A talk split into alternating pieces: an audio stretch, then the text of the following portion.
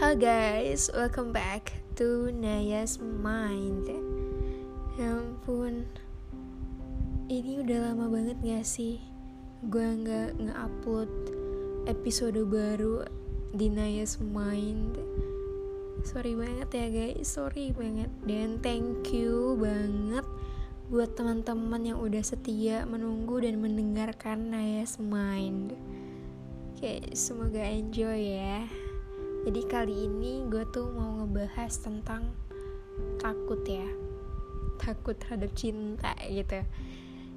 Eh cinta lagi, cinta lagi. Iya karena terkadang membahas masalah percintaan itu emang gak ada habisnya gak sih? Gak ada habisnya gitu.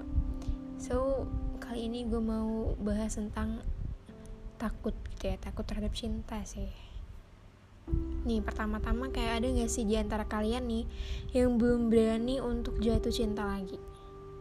Kayak untuk membuka hati lagi gitu. Banyak sih kali ya.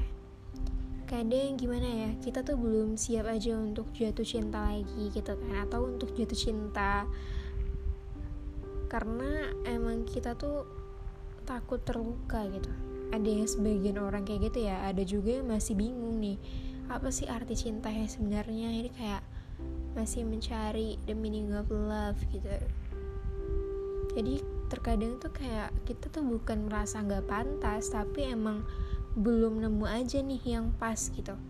Takut banget gak sih kalau udah bener-bener nih nanti jatuh dalam banget nih sama seseorang itu terpas dia pergi kita kayak nggak punya harapan dan menganggap semua cowok itu sama aja gitu karena emang kebanyakan tuh kenyataannya kayak gitu kan. Ntar kalau misalnya gue pacaran sama sama A gue putus kayak gue mau buka hati lagi nih. Kayak yang B ntar gue anggap eh gimana ya kalau misalnya si B itu sama kayak si A atau ya semacam itulah.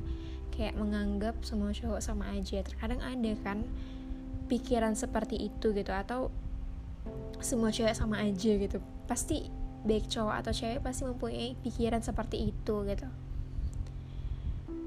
Padahal kayak kita udah dibikin nyaman tapi malah ditinggalkan. Permasalahan hati gak sebercanda itu kan?